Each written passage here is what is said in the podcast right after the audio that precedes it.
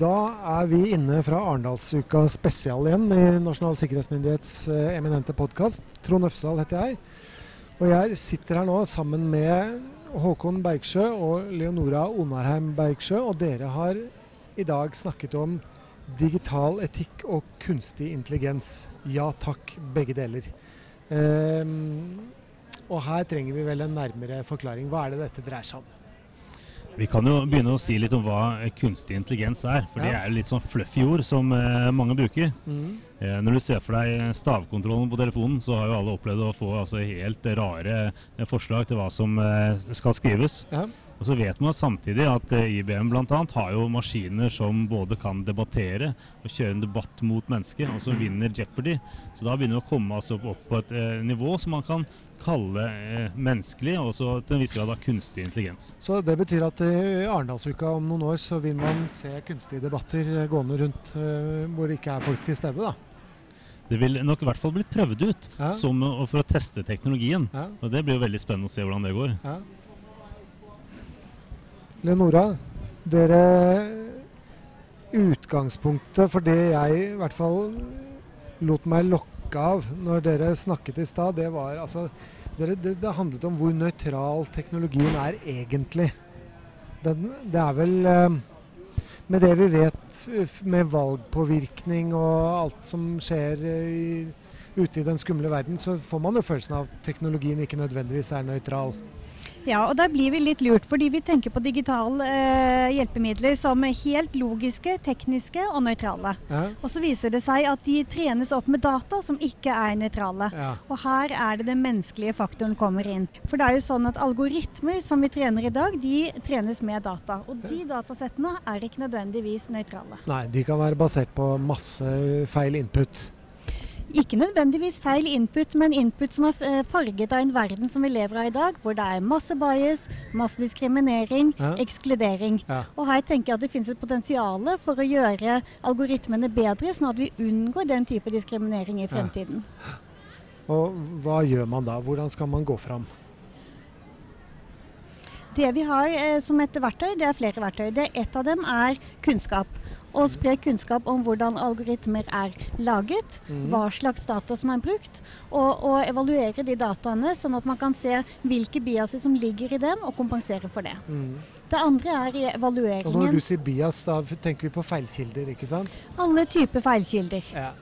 Det er eh, vanskelig å finne et godt norsk ord til Ja. bias, men, men, men la oss prøve å holde oss til det norske, ja. Vi kan jo ta et eh, eksempel. og Hvis du skal eh, trene en algoritme til ansettelser. ansettelser. Altså Mhm. Store firmaer har jo veldig mye arbeid med å ansette nye mennesker. Ja. Og da kan du f.eks. trene dataalgoritmer til å plukke ut de beste kandidatene. Ved at du ser hvilke kandidater som har vært best eh, eh, nå, og mm. hvilken altså, CV osv. de hadde. Mm. Eh, men da, en feilkilde der er at du kanskje for ti år siden så var det veldig mange menn i teknologibransjen. Mm. Og da vil altså maskinen gi deg veldig mye menn eh, Ja. også. Så det å klare å tenke utenfor boksen, det er ikke kunstig intelligens nødvendigvis så veldig eh, godt trent i. Nei, Den responderer jo på de dataene som kommer inn. og Ja. der, der er jo ikke for det ikke en bias som sådan.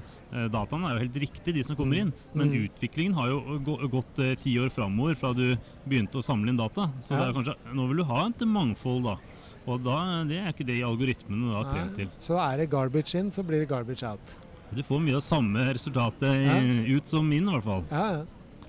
Og så er det jo sånn at den etikken som vi har, som kan hjelpe oss å sortere disse dataene, den Ja. fins. Man kaller det digital etikk. Okay. Og digital etikk det handler om å identifisere hvilke verdier som står på spill i dataene, i algoritmene og hvordan vi bruker de. Og når man har identifisert de verdiene, så kan man også sikre at de tas vare på i Men- de resultatene man får. Men det jeg tenker da, er vil en virksomhet som leverer et eller annet, vil den, vil den se at det er penger å tjene i, i etikken? Altså, vil det lønne seg å ha tenkt etisk?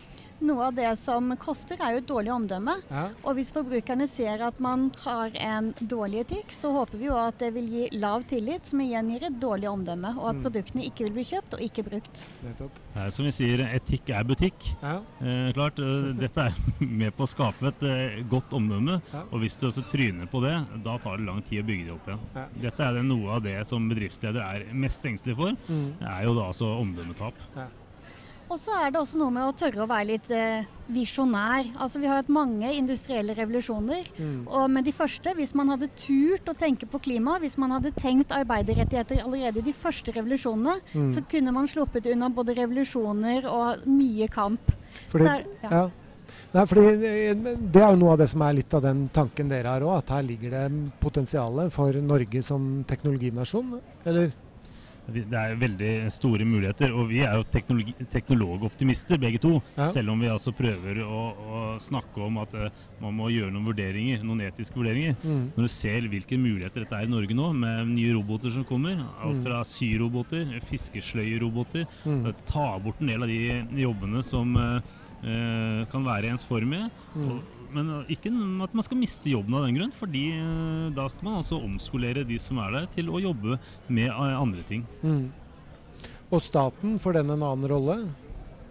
Dere snakket noe om innkjøpsmakt og Her har staten mye godt å bygge på. Et tillitssamfunn, et teknologisk interessert samfunn, et samfunn med mye kunnskap.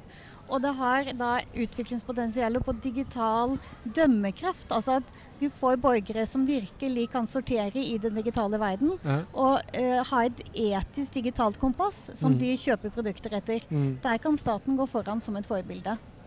Og også myndighetene som regulerer markedet. Men på hvilken måte skal staten da altså Rett og slett ved å være bevisst hvordan, hva de handler inn, da? Eller hva tenker dere? Det blir jo litt på, på samme måten som at uh, staten og kommuner passer på hvilken tjeneste de kjøper, så de ikke kjøper eh, svarte eh, håndverkertjenester, svarte eh, vasketjenester. Det er flere Mm. eksempler eh, på det. Mm. Og at man også har et bevisst forhold til ja, hvor- er det disse algoritmene er trent. Mm. Eh, sånn som eh, Kina for eksempel, er jo en av de ledende nasjonene på, på kunstig intelligens. Ja. Men det er ikke alltid sikkert at de dataene som de bruker, Mm. er samlet inn på eh, samme grunnlag som vi har her i Norge. Nei. Så det å også ha et bevisst forhold til hvordan er algoritmen trent, Mm. eh, hvordan data er det som er brukt der, det blir veldig viktig framover. Men det høres jo litt utfordrende ut for en eh, stat, statsetat å skulle vite noe inngående om, om opphavet til disse algoritmene. Er det, hvordan tilegner man seg den kunnskapen? Man må bruke da den, eh, den makten man har som eh, forbruker, altså som innkjøper, Ja. og kreve det helt i begynnelsen av en forhandlingsprosess, idet Mm. det inngår f.eks. rammeavtaler. Ja. Eh, hvis du har glemt det, så er det vanskelig å komme og spørre om det etterpå. Og så er det selvfølgelig å støtte opp forskning på åpen kunstig intelligens. Mm. Her finnes det jo mange ambisjoner og mange krav, men det må også stilles midler bak kravene. Mm. Og det gjør de ikke i dag, eller? Det er på vei, og det vil komme mer av. Ja. Og det trenger vi. For nå så er det jo sånn at eh, kunstig intelligens eh, har en, en problem ofte med å svare på hvorfor den kommer med de anbefalingene den gjør. Så De er veldig gode råd ofte, men finne ut hvordan eh, algoritmen har kommet fram til det den gjør, det er eh, vanskelig. Men der går det framover. Mm. Og det tror jeg altså at eh, Norge og Europa kan være altså et foregangsland på Mm. å bygge, forske på dette her, Mm. sånn at vi får altså åpne løsninger. Så mer forskning, mer målretta forskning med etisk, eh, etiske briller, det er, det er liksom oppskriften videre? Ja, I kombinasjon med kunnskap og forbrukerkraft, og også bestillerkompetanse. Altså, rundt omkring så må man vite hva man skal etterspørre, både stå, små og mellomstore bedrifter. Ja. Det er jo eh, viktig å ta med seg eh, hva man kan eh, gjøre som, som virksomhet. Og det å ha, ha et sånn etisk eh, råd eh, vil være viktig. Altså Mm. At man tar med etikere, de som digitale etikere på Hvor, hvor finner man etikerne? Eh, det er ikke så mange av dem, men det Nei. finnes noen som nå spesialiserer seg på dette her. Ja, og det er flere som begynner å tenke på dette her. ja. Og de som lytter nå på podkasten, de Ja. må jeg bare si gratulerer til. For de har jo tatt første steget, nemlig å skaffe seg altså en oversikt over hva er dette er snakk om.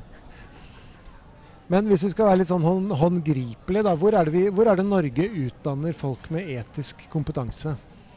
Det fins masse etikere Er rundt i Norge, og vi har etiske råd. Ja, Både i statlig regi og mange bedrifter. ja, Eh, Så det fins kompetanse, men den må også komme opp på digital etikk. ja. Altså hvor man kobler sammen de etiske verdiene vi setter høyt, og den teknologien vi ønsker å bruke i samfunnet i dag. Men, men da ser jeg for meg at etikk, typisk sånn etikk ja, jeg vet ikke, Det er vel humaniora og samfunnsfag kanskje som er liksom eh, målgruppene der. Og, og jeg vil jo gjette på at den teknologiske kompetansen i den type utdanninger kanskje ikke er helt sånn eh, der den kunne ha vært.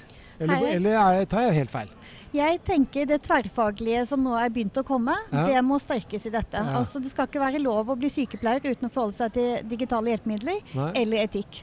Og på det samme måte, det skal ikke være lov å studere X-FIL uten å forholde seg til teknologi. Så hvis, Altså Vi må tenke bredere innenfor alle sektorene. ja, så hvis du jobber f.eks. i en barnehage, så skal du kunne vite noe om hvordan du skal kunne nyttiggjøre deg eh, datamaskiners logikk for, eh, for det du gjør i barnehagen.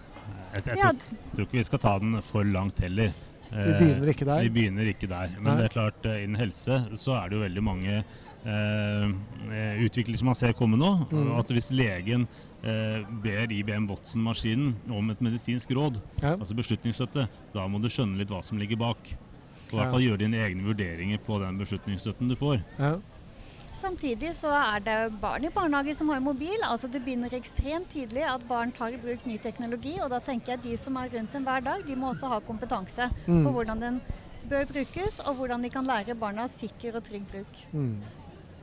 Jeg tenker her er vi jo, Dette er jo en av konsekvensene av at man også ønsker seg mer koding inn i skolen. og Alt henger jo selvfølgelig sammen med alt, sånn som det pleier å gjøre. Eh, men i enden av den tenkningen så står liksom det etiske, da.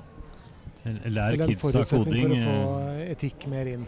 Lær kidsa koding har jo nå startet et prosjekt med, med sikkerhet. Mm. Som de har gått fra både fra koding og, og også nå til sikkerhet. Og det, altså Den grunnleggende sikkerhet det vil også være med å hjelpe på dette her. Mm. Og så, så, er det ikke, så er det viktig å ikke dra alt ned til kunstig intelligens heller. Nei, nei. Altså Dette er mange etiske spørsmål om personvern. Ja. og det, det koker jo stort sett ned til personvern Mm. eh, i mange av disse sammenhengene. Og, og der bør man være bevisst som skoleansatt og som barnehageansatt og vite ja, hvor lagrer vi data om, eh, om barna. Mm. Eh, hvilken bilder tar jeg? Og Mm. Det er også et, også et etiske valg som Mm. man passer på. Mm. For å oppsummere, hva bør vi gjøre da? Ja, Det er først og fremst å øke kunnskapen. altså Vi trenger digital kompetanse.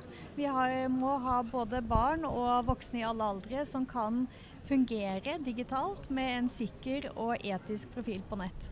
Og, og For å få til det, så trenger vi å øke kompetansen i alle ledd. Fra barnehage, skole og i arbeidslivet.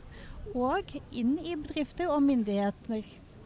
Et langsiktig løp, med andre ord. Ja, og du ser jo Debatten nå på Arendalsuka her har jo vært altså, i stor grad eh, digital etikk og eh, kunstig intelligens. Det har vært mange foredrag. og Da er vi kommet langt. Vi begynner å snakke om dette offentlig. Ja, dette kommer på eh, tablået. Veldig bra. Over og ut fra oss her i Arendal.